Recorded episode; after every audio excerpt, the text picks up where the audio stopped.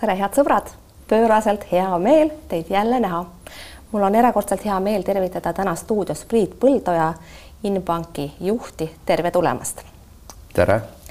loomulikult hakkame teiega rääkima pankade megakasumitest, aga enne veel, kui selleni jõuame. kui te Inbanka lõite, siis te ütlesite, et tegite selle eesmärgiga olla seal tööl elu lõpuni ei kavatse seda müüa, aga no kuulge, head ettevõtted on alati müügis. kas ma pean järeldama, et Inbank on vilets ettevõte, mida mitte keegi osta ei taha?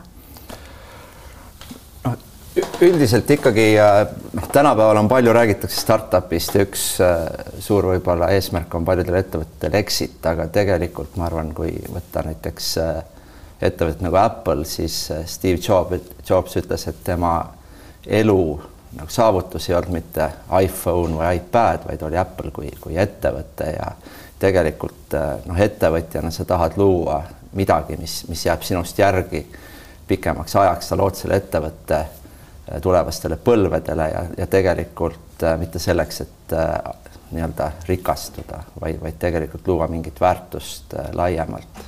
Ja, ja, ja ka väljakutset iseendale selleks, et mitte rikastuda, ütleb mees, kes on Äripäeva rikaste topis kahesaja kahekümnendal kohal.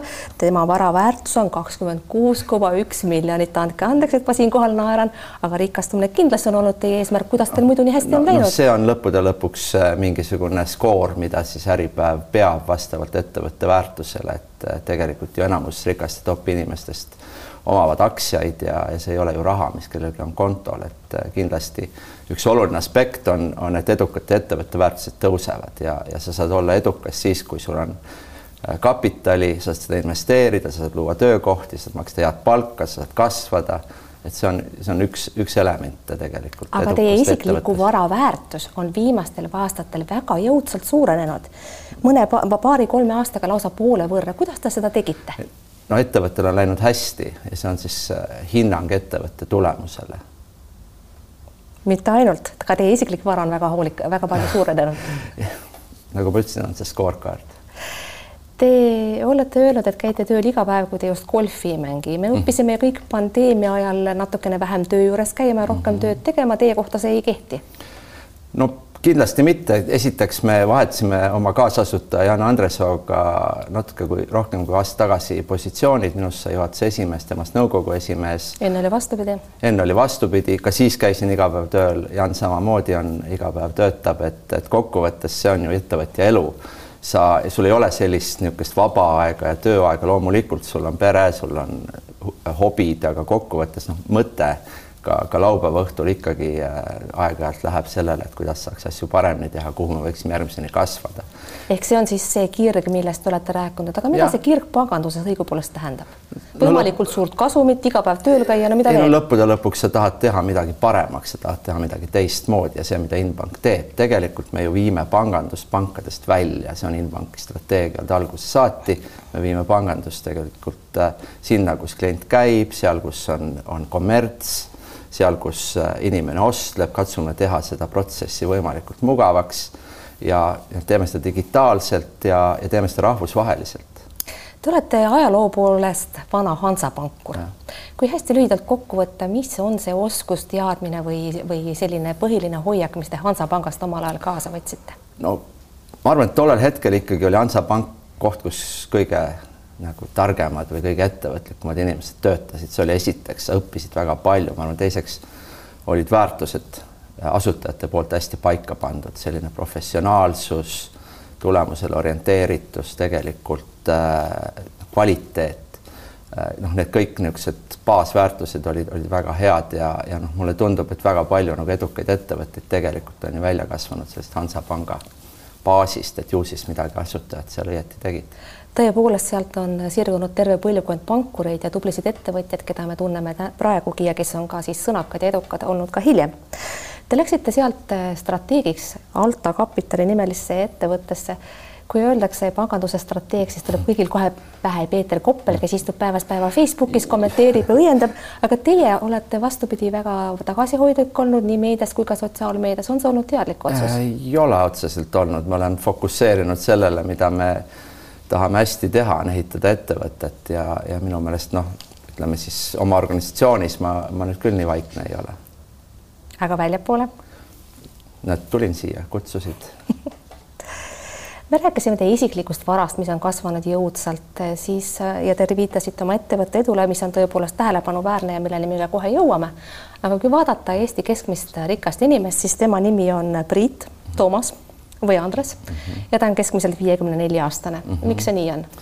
no eks me oleme kõik sellisel, on öeldakse, sellisel õigel ajal sündinud, selgesti jaotatakse kaarte natuke selle järgi, kui vaadata kuulsalt siis seda Malcolm Gladwelli raamatutki, et kui mõelda, kui vana, millal sündis Steve Jobs või, või, või Bill Gates, on kõik sarnaste viiekümne, viie, kuuekümnenda aasta lõpus sündinud. Neil oli ligipääs mingisugusele ülikooli äh, läbile, kus, kus siis hakati esimest korda programmeerimisega tegelema. samamoodi me kasvasime üles või saime nagu nagu õigesse ikka sellel hetkel, kui, kui Eesti sai taas vabaks. samuti oli mul õnn minna Ameerikasse õppima, mida, mida võib-olla vanem generatsioon ei saanud teha. ja noh, tänapäeval on see täiesti normaalne, teistpidi olime me siis nii-öelda väärtuslikumad võib-olla inimesed, me saime käe panna rohkem külge, kogeda et selgelt ma arvan, sünd, inimesed, kes on kuuskümmend viis kuni võib-olla seitsekümmend viis sündinud, said natukene parema nagu jaotuse kui kuidas need inimesed, kes varem või hiljem sündinud. kuidas juhtus, et nende rikaste inimeste hulgas on nii vähe naisi? Priidud, Andresed ja teised? noh, jällegi, eks ta on tõenäoliselt selle, selle aja märk. võib-olla on teil õigus. jõuan põhiteema juurde, mis on pankade megakasumid ja millest on viimasel ajal hästi palju kõneldud.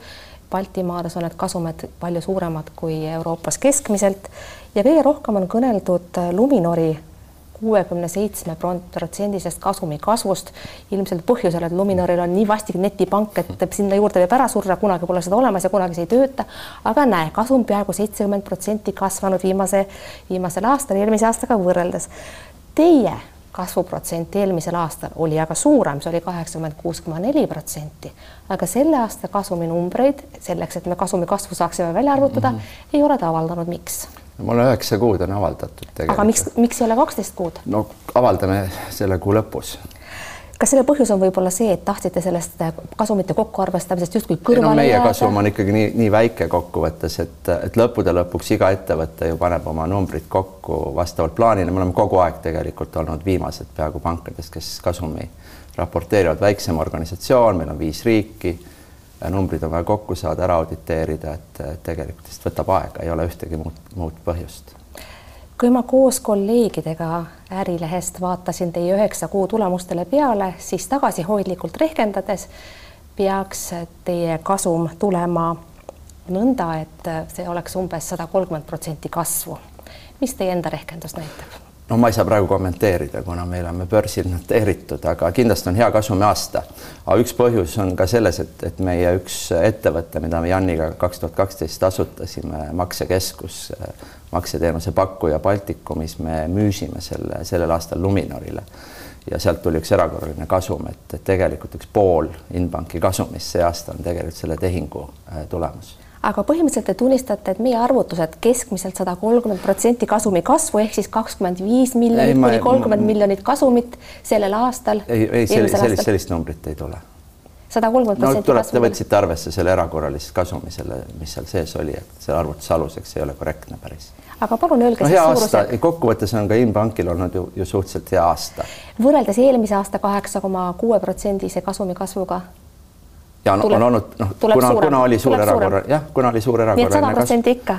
No kuskil sealkandis võib-olla ta tuleb, ma ei oska täpselt. aga see on ju võimas, see on ju mega, see on ju väga palju, see ja, on rohkem ja, kui kellelgi ei, teisel. ei, väga, väga hea aasta oli, aga me oleme rahul.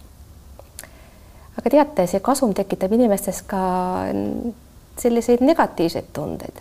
meie kõik, mina sealhulgas, vaatan, kas ma saan pärast arvete maksmist endale midagi lubada. ma valin poes nagu väga paljud inimesed odavamaid asju, sest inflatsioon on äsja olnud kakskümmend viis protsenti. ma vaatan väga täpselt järele, kas ma suudan oma kodulaenu maksta ja kui pika aja jooksul ma suudan seda teha. ehk siis, kuigi sotsiaalne viha ei ole minu element mm, -hmm. siis teie rohkem kui sajaprotsendine kasum tõmbab mm -hmm. siiski käed rusikasse. kas te mõistate seda? kasumi kasv kasumi kasv täpsemalt, just no meie fookus on ettevõtet arendada ja, ja investeerida tegelikult seda tulevikku ja noh, Inbank tegelikult on ju, suhteliselt äh, väike pank täna võrreldes teiste pankadega Eestis. ja meil Eestis võib-olla täna on maksimaalselt kolmkümmend protsenti vist meie, meie tegevusest, seitsekümmend protsenti on juba väljaspool ja tulevikus veel rohkem noh, meie keskendume sellele, kuidas oma teenust äh, paremaks ehitada, kuidas investeerida, kuidas palkada häid insenere, kuidas palkada häid tootespetsialiste, kuidas saada rahvusvahelisemaks, kuidas saada maailma tipptegijad meile tööle. see tegelikult aitab kogu ühiskonda, see aitab luua häid töökohti, sealt tuleb maksutulu, mida on võimalik ümber jagada, niimoodi kapitalistlik majandus tegelikult toimib. et kui me lähme nagu edukaid ettevõtteid äh, kuidagi kärpima ja neid ümber jagama, siis ma arvan, et tulemus on tegelikult, me olime selles süsteemis, me ei taha sinna ju tagasi minna, ma ei tea, miks see retoorika selliseks on läinud no see retoorika on olnud tõepoolest väga ekspressiivne ja on viidatud ka sellele, et pankade ülikasumeid, milles nende, nende endi tegevusel ei ole väga suurt rolli, eks ole, suure osa kasvust võlgnete, võlgnete nii teie kui ka teised pangad kasumi kasvu poolest Euriborile mm, -hmm. siis eh, on viidatud ka sellele, et seda võiks kõrgemini maksustada. kuidas see idee teile tundub? no kokkuvõttes esiteks pankasid ju maksustatakse täna kõrgemalt võrreldes teiste ettevõtetega.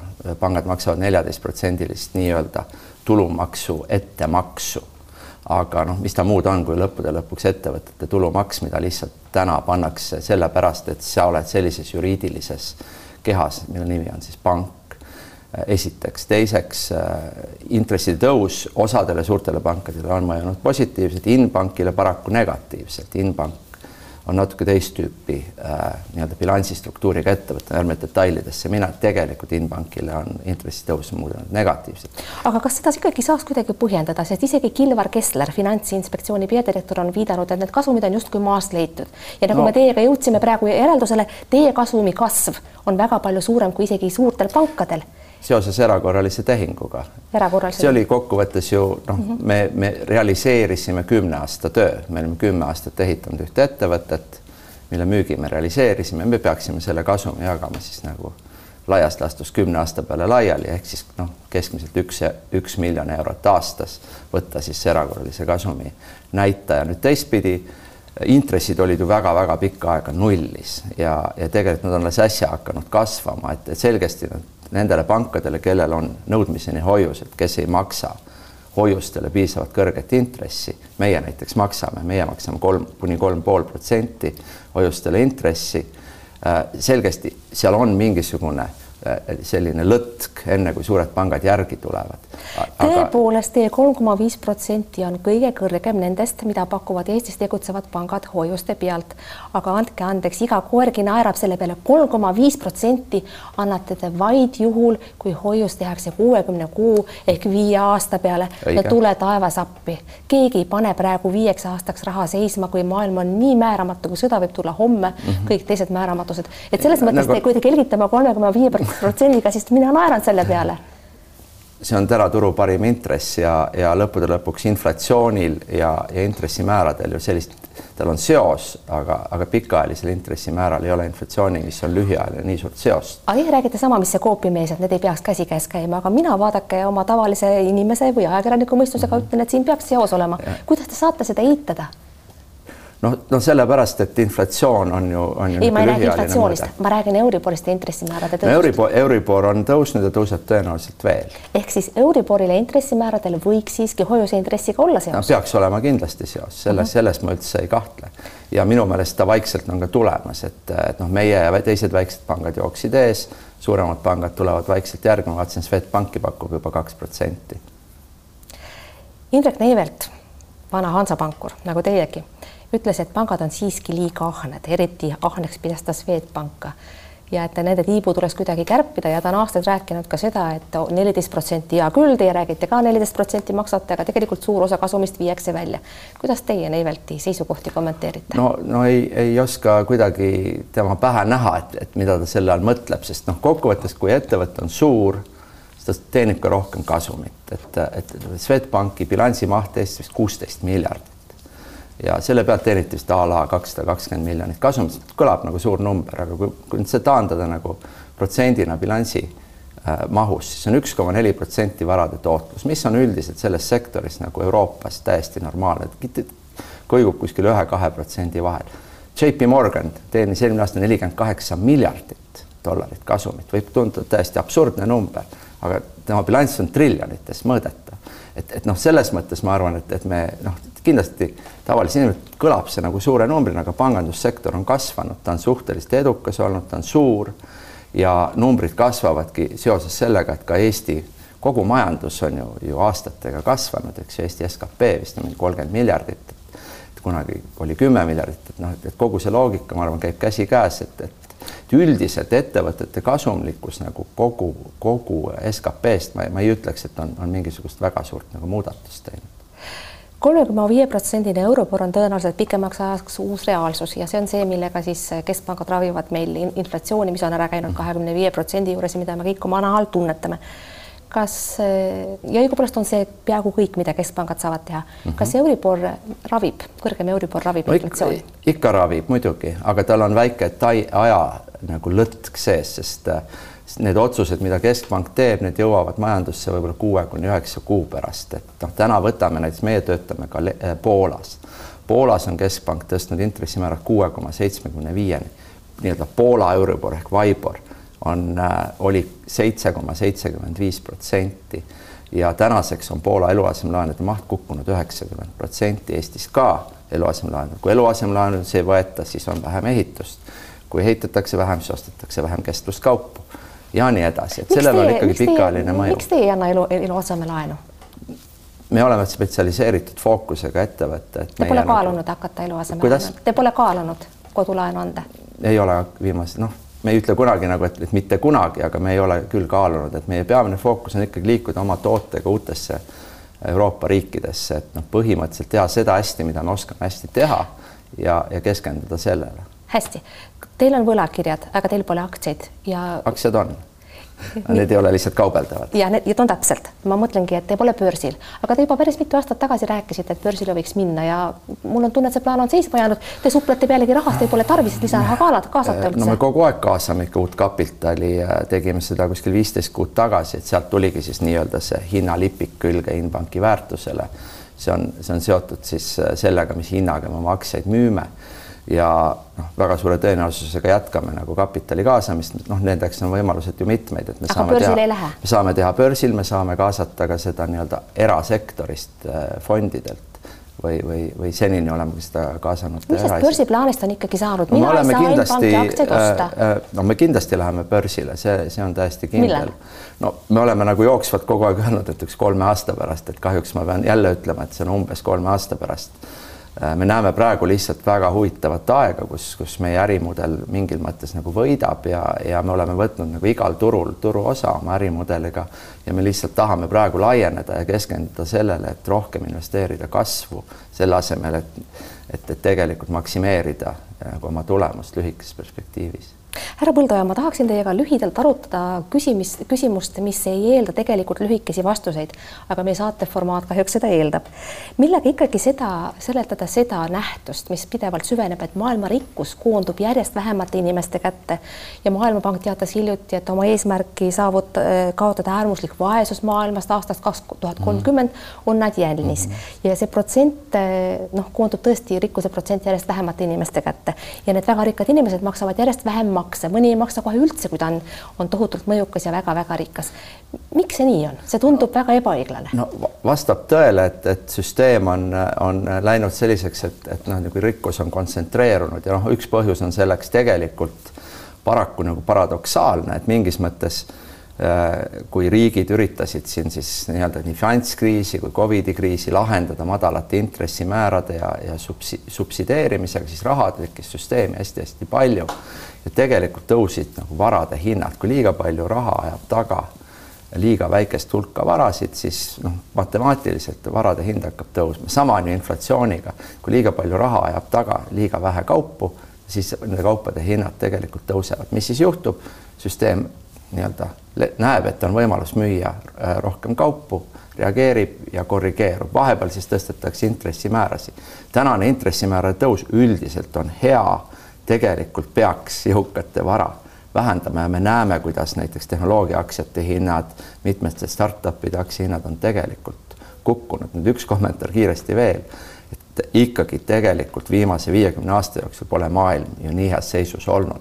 on juhtunud tõesti, et Euroopas, USA-s keskklass on vähenenud, aga võtame näiteks Aasia riigid või Hiina e eelkõige, kui palju on tekkinud, tulnud inimesi tegelikult vaesusest maailmas no, välja. kuulge, aga kui me meenutame kahe tuhande kaheksandat ja kahe tuhande üheksandat, mis meil on väga hästi meeles ja sellega seoses tahaks ju meelde tuletada, et kogu see jama, mille mina maksumaksjana kinni maksin ja kõik teised maksumaksjad, kelle käest ei küsitud, kas nad neid panku päästa tahavad või mitte, siis võiks tekkida. Eestis ei maksnud ju keegi midagi kinni si. siis võiks, no ka kogu maailmas ju maksid, kõik see makstud. jah, aga Euroopa maksumaksja raha on samamoodi maksumaksja raha nagu Eesti oma. ma tahaksin jõuda küsimuseni, küsimus on, et pankadel võiks seoses selle finantskriisiga olla teatav karma anda ühiskonnale midagi tagasi, aga nüüd meil on olukord, kus teie suplete rahas ja Hansapank supleb rahas ja Seeb supleb rahas ja kõik teised suured pangad ka, aga inimesed imevad käppa, vaatavad oma elektriarveid, et mõistate seda disproportsiooni ja siis ma mõtlen kahe tuhande kaheksanda ja kahe tuhande üheksa peale, küsin mm, -hmm. et mida te tagasi annate? noh, tegelikult ju Eestis äh, pangad said selle kriisis ilma igasuguse riigiabita hakkama ja, ja Euroopas mitte. jah, aga lõppude lõpuks ka enamus Euroopa riike tegelikult äh, jätame siin üksikumad Lõuna-Euroopa riigid välja, tegelikult said ka hakkama ja noh, lõppude lõpuks on ju need taotlused, eks ju, toetused, mis on, mis on pankadele antud, on ju ka täna tagasi makstud ja väga tugevalt on reguleeritud. noh, pigem on see küsimus, et täna ma ütleks, et Euroopas laias laastus on pankade kasumlikkus liiga madal. Äh, ta on, on liiga äh, suured piirangud kapitali teenimisele ja selle tõttu ei anta piisavalt laene, Euroopa ei investeeri, kapitaliturud siin ei toimi. kui midagi, siis siin on Euroopa finantssüsteemis on, on pigem probleemid. et pankade kasumid on liiga väikesed. Nad, nad ei aita majanduskasvule tegelikult täna kaasa. et see Luminari kuuskümmend seitse protsenti ja teie sada või sada kolmkümmend kasumi kasvu, see kõik on liiga vähe. ei, mina tahaks öelda nagu jätame nagu mikro ja makro nagu ära kokkusegamised nagu, nagu kõrvale, et tervikuna nagu Euroopas peaks arenema finantsturg, kapitaliturg, tulema rohkem investeeringuid seda, et loovaks töökohti, investeeritaks siia ettevõtlusse. kui edasi läheb järjest rohkem see, et reguleerime veel äh, keegi, kes on siis see, kes otsustab, kui palju keegi teenida tohib, et kes on see inimene teie arvates, kes selle otsuse peaks tegema, kuidas ta seda allokeerib, millise teadmise põhjal? mulle tundub, et järjest enam on see riik ja see on kahetsetav. see on kahetsetav jah, ja, ja, ja, ja seetõttu äh, tekibki see, et, et riik arvab, kuna rahvas mõtleb ka, et riik oskab allokeerida paremini ümber, me teame ju jällegi kaheksa, seitsmekümnendatest, kaheksakümnendatest need süsteem ei tööta, kui riik peab kapitali hakkama allokeerima, turg peab allokeerima kapitali. kui kuskil on kõrged kasumid, siis sinna tekib ettevõtteid juurde, võtame Eesti panganduse, siia on tekkinud LHV, siia tekkis Inbank, siia tekkis Coop Pank, tegelikult Swedbank meie valdkonnas täna, kui meie alustasime, oli Swedbanka turuosa seitsekümmend viis protsenti, täna on kakskümmend meie turuosa on seitseteist pool.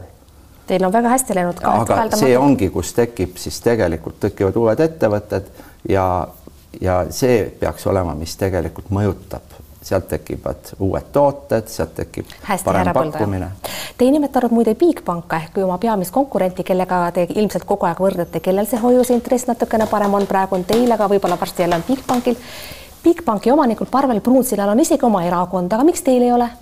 No me ennast Bigbankiga väga palju ei võrdle. me, me, tege, me tegelikult võrdlete. ei võrdle väga palju ennast kellegiga, et noh, me peame tegema seda hästi, mida me teeme. aga kui küsimus oli, miks teil oma erakonda pole?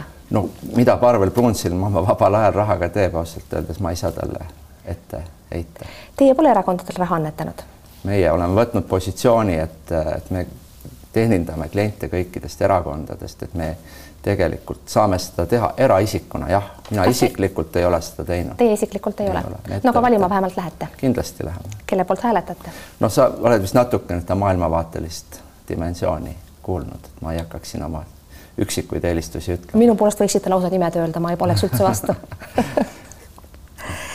kas te kerjustele raha annate? no ma olen katsunud toetada nii palju inimesi kui võimalik, aga ma ei ütleks, et ma jalutan mööda ja panen sente, et seda ma ei ole teinud tavaliselt.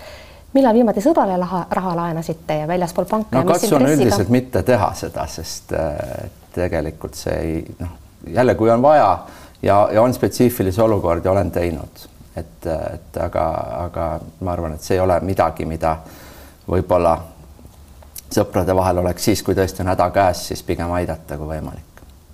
Teist oleks võinud saada tennisetäht. Te olete isegi tennisetreener, treener sellel ajal, kui te töötasite Silicon Valley's, miks teist ei saanud tennisetähte, miks te pole jäänud treeneriks no,? ju siis ma ei olnud nii hea, ega ma ei olnudki nii hea, ma olin noorena päris hea, tulin paar korda Eesti meistriks ja, ja noh, mis mulle tennis andis, tennis andis mulle väga palju, ma sain hariduse USA-s, tänu sellele ma sain koolistipendiumi. see õpetas mul äh, võitlema, see õpetas mul kaotustega hakkama saama. praegu see... mängite veel? vähe. Teil on kaks täiskasvanud poega, on need ühe sama naisega või erinevatega? Mul on jah, üks poeg äh, sellest ajast, kui ma elasin USA-s. kas oma abieluga olete samas ringis, kus vanasti või on seegi muutunud? Teie vanuses tavaliselt on inimestel teine või kolmas pesakond? Äh, mul on uus elukaaslane, kellega meil on väga meeldiv. hästi ja kõige lõpetuseks pööraksin algusesse tagasi sellesama panga juurde, mida te tegite endale selleks, et töötada selle elu lõpuni. aga armas Priit Puldoja, tegelikult ei pea te üldse enam töötama miks te seda ikkagi teete, te võiksite elu lõpuni elada sellest, mis teil juba on.